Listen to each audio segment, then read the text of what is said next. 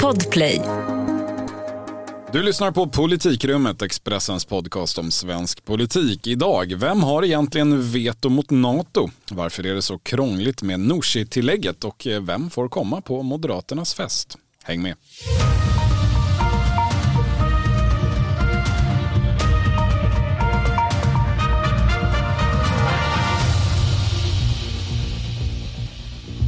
Det är tisdag den 22 mars och dags för det 23 sammanträdet här i Politikrummet. Med liksom senast Helena Gissén. Hej. Thomas Nordenskjöld. Hallå. Och jag, Viktor Bart Kron. Vi börjar ju ta för vana att inleda den här podden med något i stil med frågan har vi gått med i NATO sen sist vi sågs?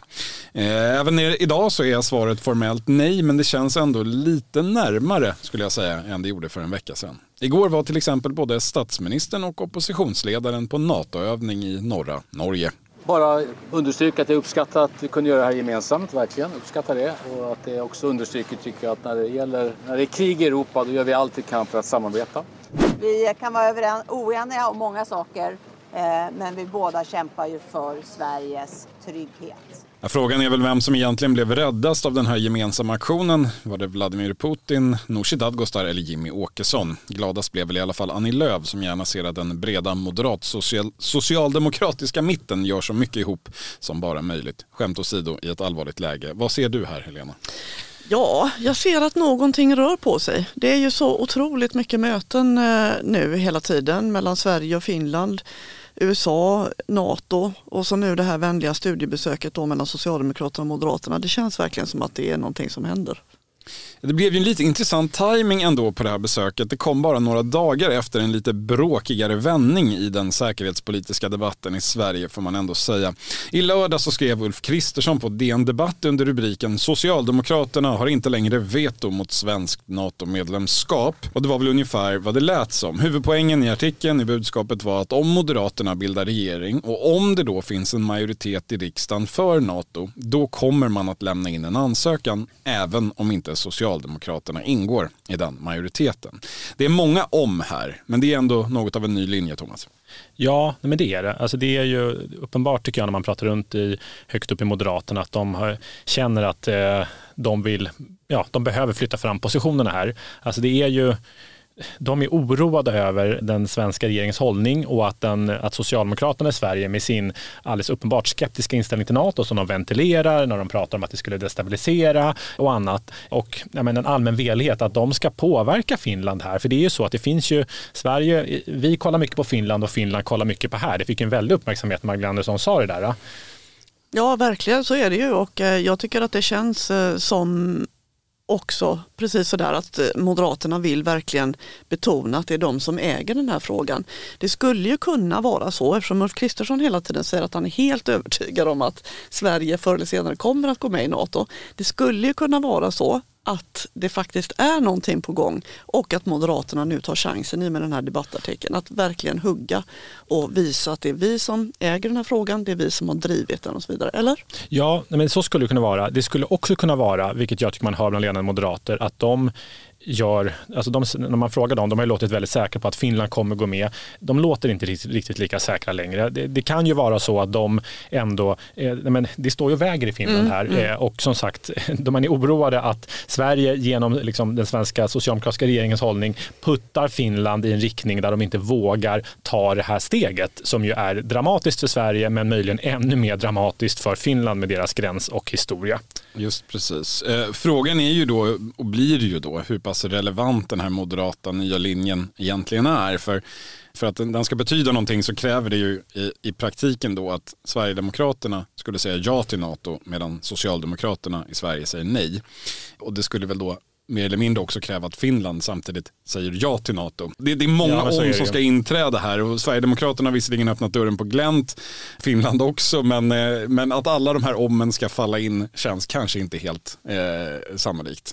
Det blir tillsammans eller inte alls, trots allt, trots den nya linjen. Ja, ja men, men samtidigt så ska man ju ha klart för sig då att uh, Ulf Kristersson gör ju anspråk på att bli regeringschef. Han uh, leder ett statsbärande parti och om han nu är övertygad om att Sverige är illa ute, att det finns en risk för ett väpnat angrepp, så kan han ju mycket väl tänka att jag är skyldig att driva den här frågan för svenska folkets säkerhet. Det är inte så konstigt, alltså rent sakpolitiskt, en övertygelse. Men det blir ju någonstans ett vakuum här som Moderaterna identifierar när liksom Magdalena Andersson som nytillträdd statsminister är så ja, men skeptisk blandat med någon form av velighet från, från eh, och då försöker han här ta initiativet och ändå sända ut en signal som dels riktar sig mot den svenska ja, men allmänna debatten och opinionen här men också som sagt mot Finland. Och, man, och precis som du säger så är det ju ändå i sak Moderaterna, de är ju verkligen besjälade i detta. De, de ser att det finns en historisk chans nu. Det är ett fönster som är öppet här som har öppnats och som kan stängas. Alltså det är en analys som man ändå gör i Moderaterna och då är man rädd att den här, det här fönstret, att Socialdemokraterna, regeringen med den här hållningen man har, puttar Finland i riktning så att de inte går med och att det fönstret är stängt om ett år eller två när frågan kan bli aktuell igen.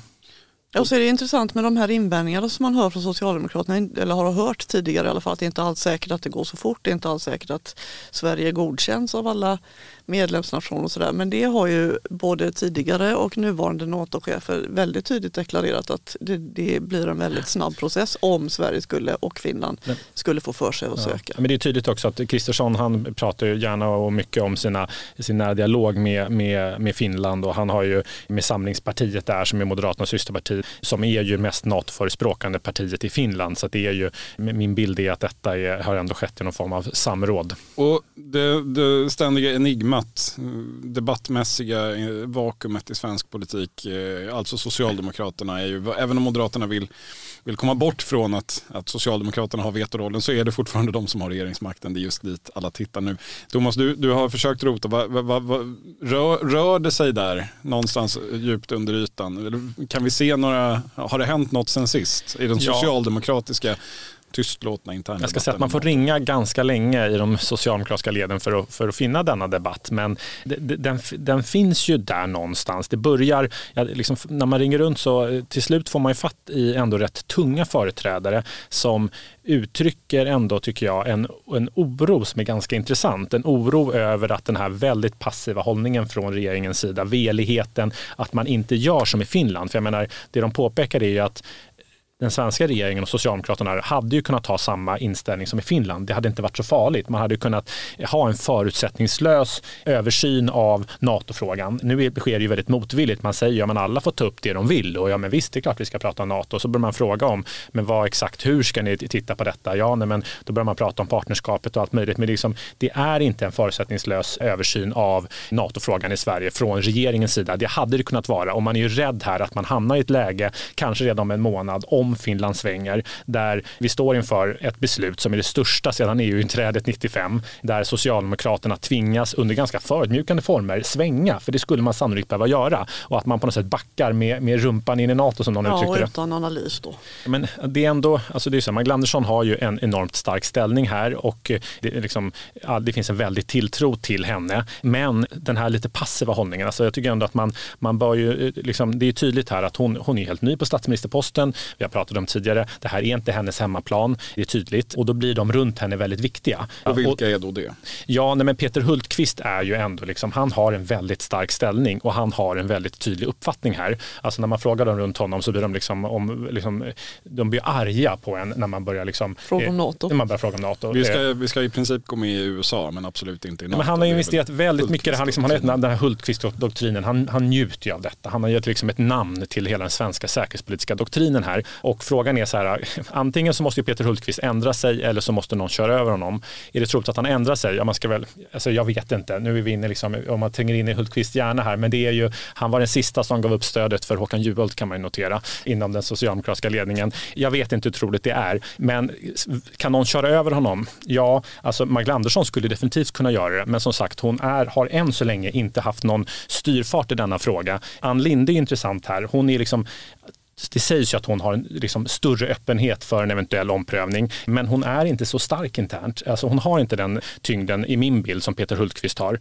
Man bör ju notera det här tycker jag, det är rätt intressant. Det sker ett byte på statssekreterarposten, jag vet inte om ni har noterat jo. det mitt i denna kris. Inget undgår politikrummet. Inget undgår det, precis. Karin eh, Wallensten som har varit statssekreterare med ansvar för de här utrikesfrågorna, hon lämnar mitt i detta och ersätts av Oskar Stenström som är liksom tung internt. Han har haft, eh, ja, men precis som Ann Linde, har en bakgrund som internationell sekreterare i partiet. Han har varit efter då, han jobbade åt Stefan Löfven och efter maktskiftet där 2014 så hade man kunnat tänka sig att han gick in till UD och började jobba för Margot Wallström. Det gjorde han inte. Han gick började jobba för Mikael Damberg, hade ansvar för handelsfrågorna.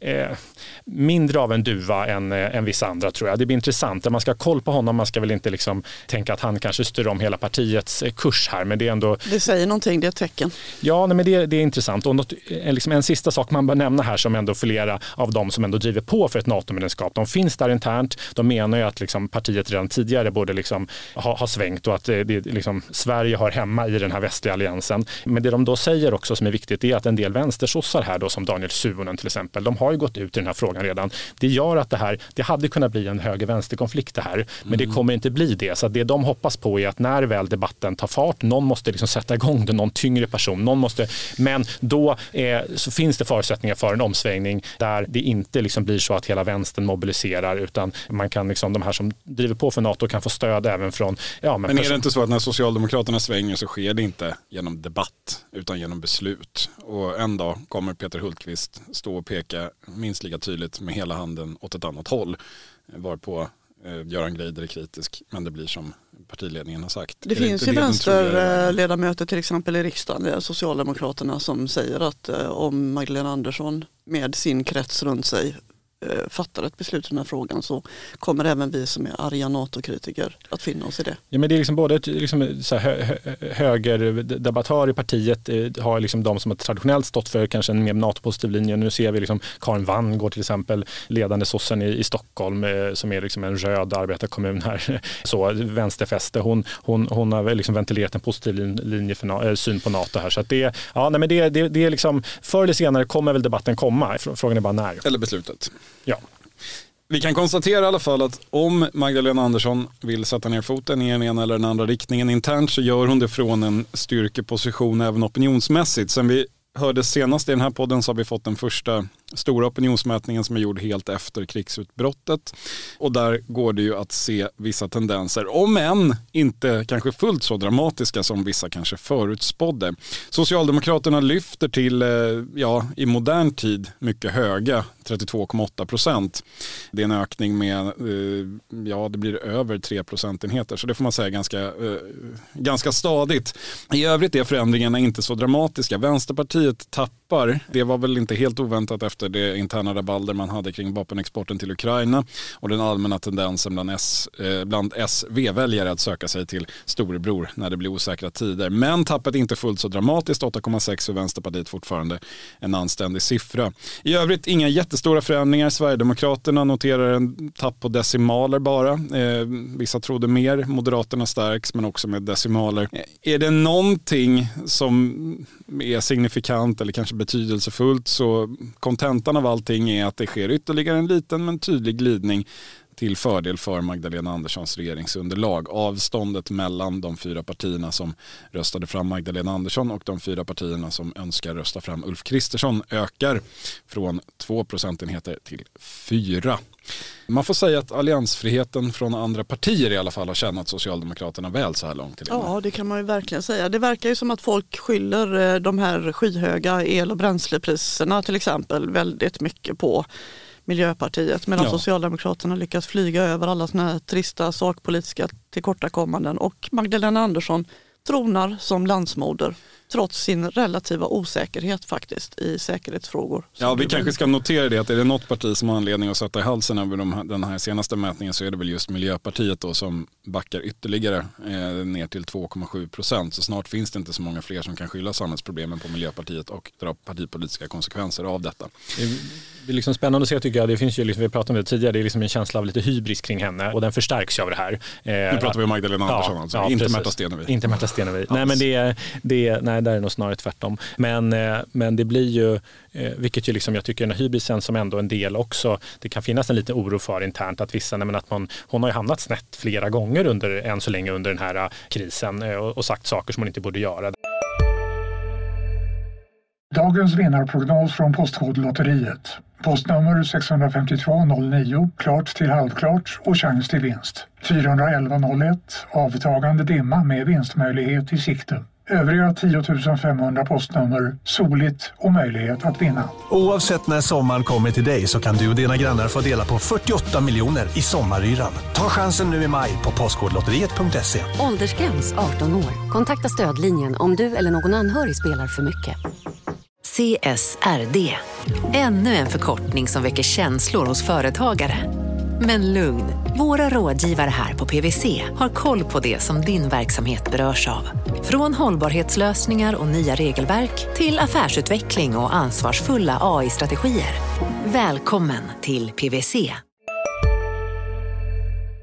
med destabilisera. Alla vet att många, det är få som ifrågasätter henne i sak, men nästan alla som kan de frågorna vet att man kan inte säga på det sättet. Hon gjorde det. Det blev en stor nyhet även internationellt. Men man undrar så här, förr eller senare så kan det ju vara så att den här hybrisen straffar sig. Men någonstans blir de ju bara mer och mer övertygade om att bara Magdalena Andersson står där så kommer allt gå galant. Och än så länge så tyder allt på att de har rätt.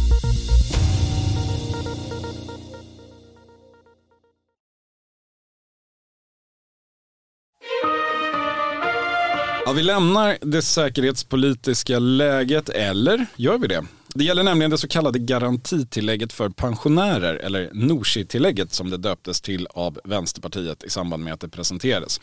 Alltså den reform som var Vänsterpartiets krav för att släppa fram Magdalena Andersson som statsminister i november och som Socialdemokraterna och Miljöpartiet i alla fall gick med på att genomföra.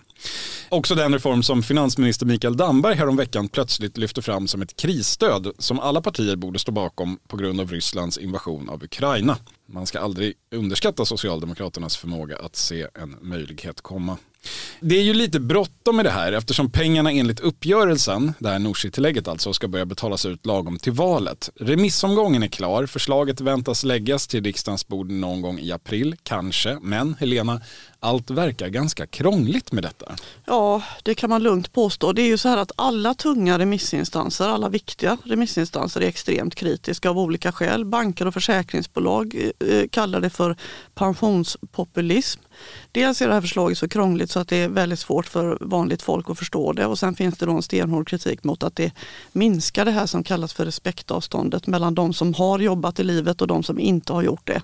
Men eftersom det är extremt känsligt det här förslaget då för regeringen vars hela existens hänger på att det läggs fram så pågår det rätt mycket krumbukter skulle jag säga kring det. Flera partier har till exempel begärt hjälp från riksdagens utredningstjänst för att få svar på hur den här reformen ska funka, vilka som berörs och hur den slår ekonomiskt och så vidare. Men RUT som den här utredningstjänsten förkortas, de skjuter hela tiden sina svar på framtiden vilket tros bero på att regeringen inte släpper från sig sina uträkningar, vilket de brukar göra när riksdagen frågar. Men just i den här frågan så, så får de inga, inga siffror och uträkningar helt och, enkelt. Och då menar de andra partierna har svårt att ta ställning till förslaget? Ja, det gör ju oppositionen otroligt frustrerad eftersom eh, själva förslaget heller inte innehåller en ordentlig analys av hur den här reformen ska funka, vilket är en del av eh, remissinstansernas kritik. Det är väl liksom, för, för regeringen är det inte lite så att det är så länge det, liksom det är lite mer liksom abstrakt diffus debatt om liksom höjda, och, eller höjda pensioner så liksom tänker sig att regeringen,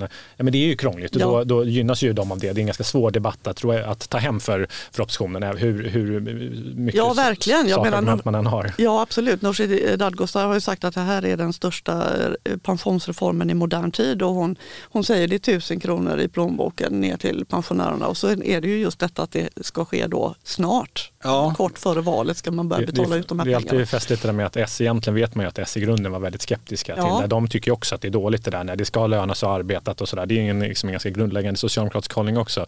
Men sen så när de väl, när det väl liksom, de accepterat det, då, ja. då är det liksom, då, då, då, är, då, är det social, då är det Men de, de har ju kniven mot strupen nu. Ja, eh, Vilka har det? Alltså... Socialdemokraterna måste ju lägga fram det här förslaget som alla ja, men, kritisera. Och det, men det är väl det då också, det, då, då, är det med andra ord svårt att säga vilken potential förslaget har för att faktiskt gå igenom i riksdagen. För den här uppgörelsen slöts ju då mellan Vänsterpartiet och den dåvarande regeringen, Socialdemokraterna och Miljöpartiet.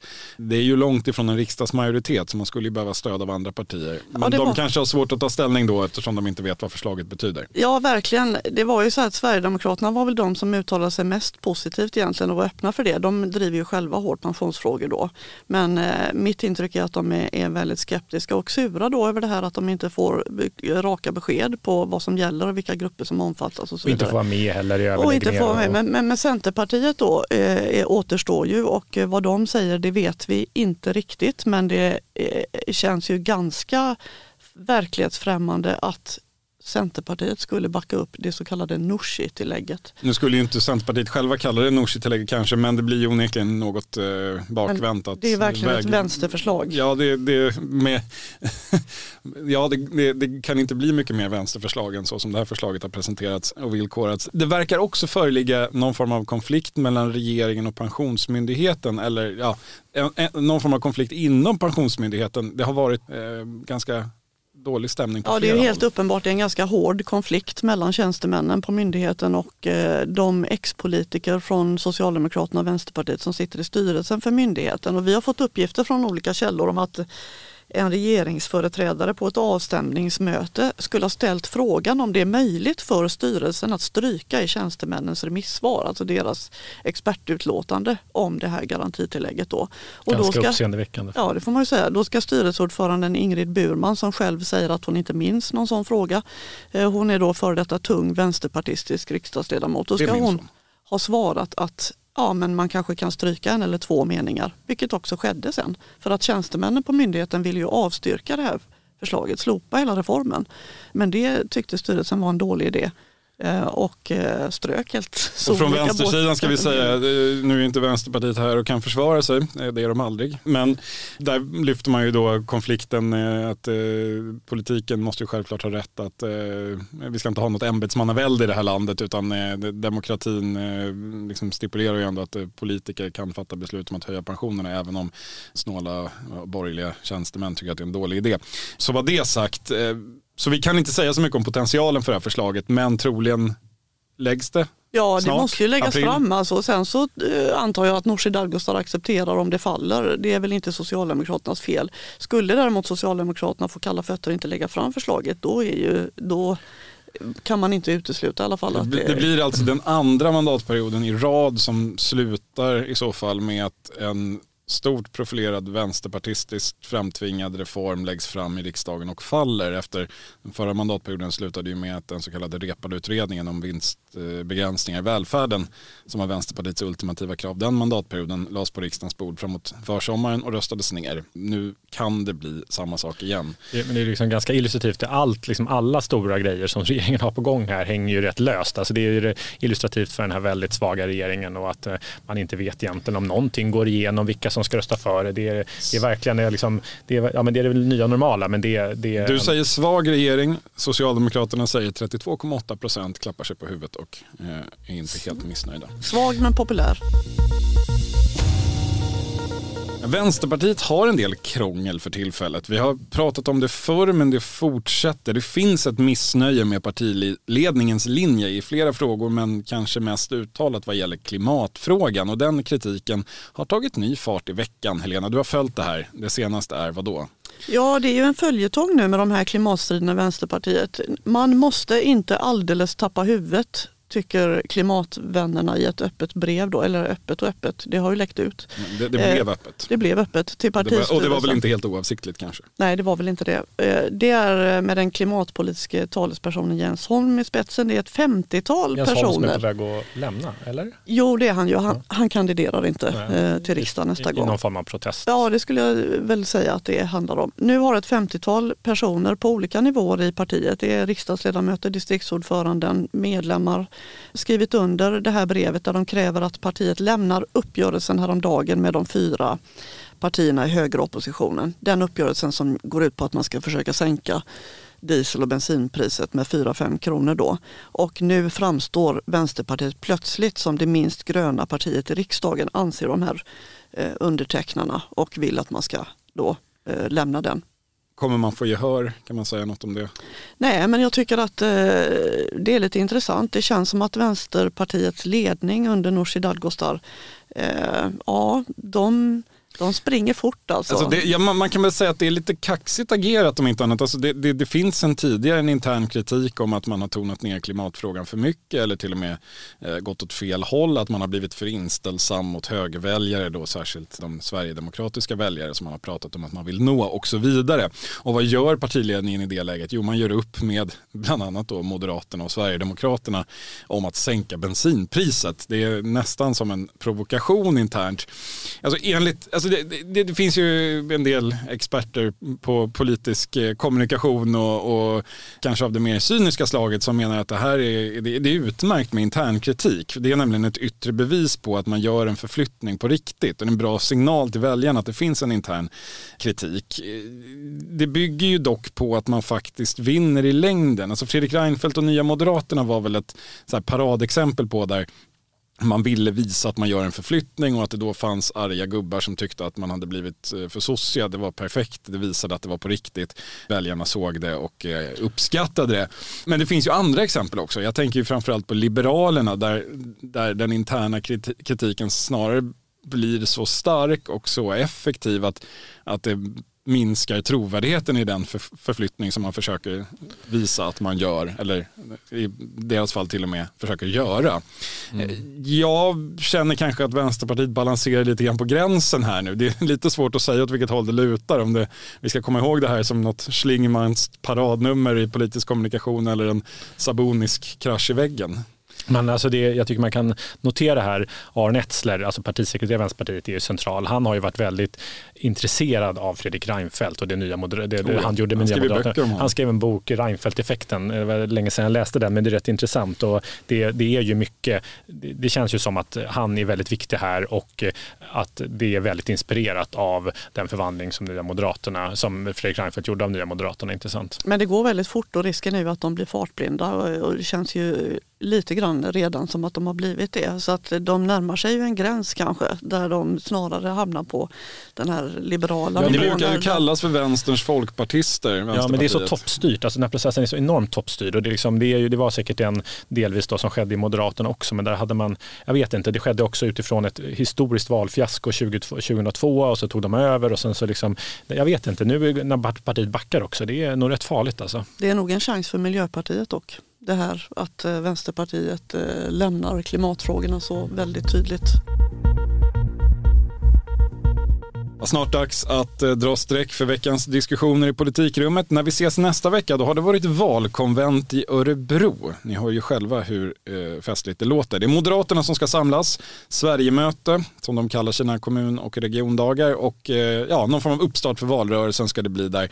Men Thomas, du ska dit. Vad, vad tror man om stämningen? Det är ju så att det, omvärldsläget kan ju tänkas prägla eh, det här mötet. Ja, men det är ganska, man har ju det. Det, blir, ja, men det är tydligt att eh, det är en ganska svår balansgång för, för partiet det här att de våndas en del inför detta. De planerar för ett ganska glatt valkonvent med mycket energi. Det här är ju liksom det tillfället när man ska liksom entusiasmera och få med sig partiet inför valrörelsen och de har behov av att uh, gjuta mod i, i, leden. Men, men det är ju inte helt, det, det, kan ju slå fel. Jag vet att de har sneglat och, och tänkt att men titta det var ju melodifestival och kolla de kunde göra det, då kanske vi kan. Men ja, vi får väl se. Jag tror att det, det krävs nog inte så mycket mera i det här kriget. Om det kommer några liksom, någonting mer, ännu värre bilder, om det nu ens är möjligt, så, så kanske man måste tänka om. Jag vet att de sitter och funderar över detta. Ballonger endast bakom lyckta dörrar kanske. Blir det något, blir det något gästspel?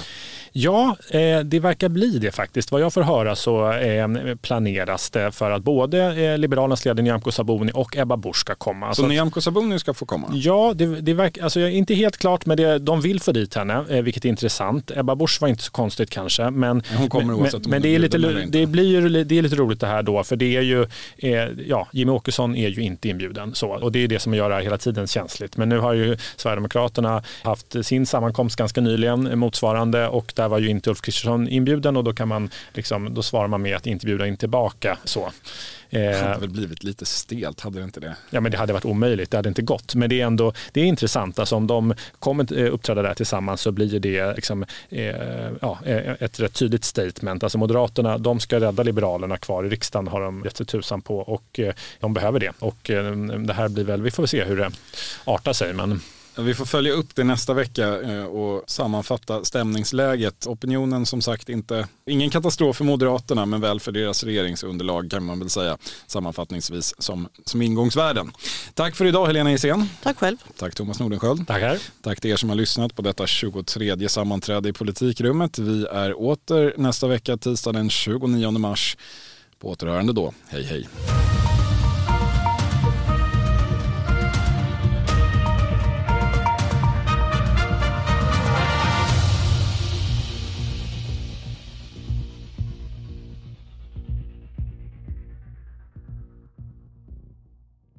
Du har lyssnat på en podcast från Expressen. Ansvarig utgivare Klas Granström. CSRD. Ännu en förkortning som väcker känslor hos företagare. Men lugn, våra rådgivare här på PWC har koll på det som din verksamhet berörs av. Från hållbarhetslösningar och nya regelverk till affärsutveckling och ansvarsfulla AI-strategier. Välkommen till PWC.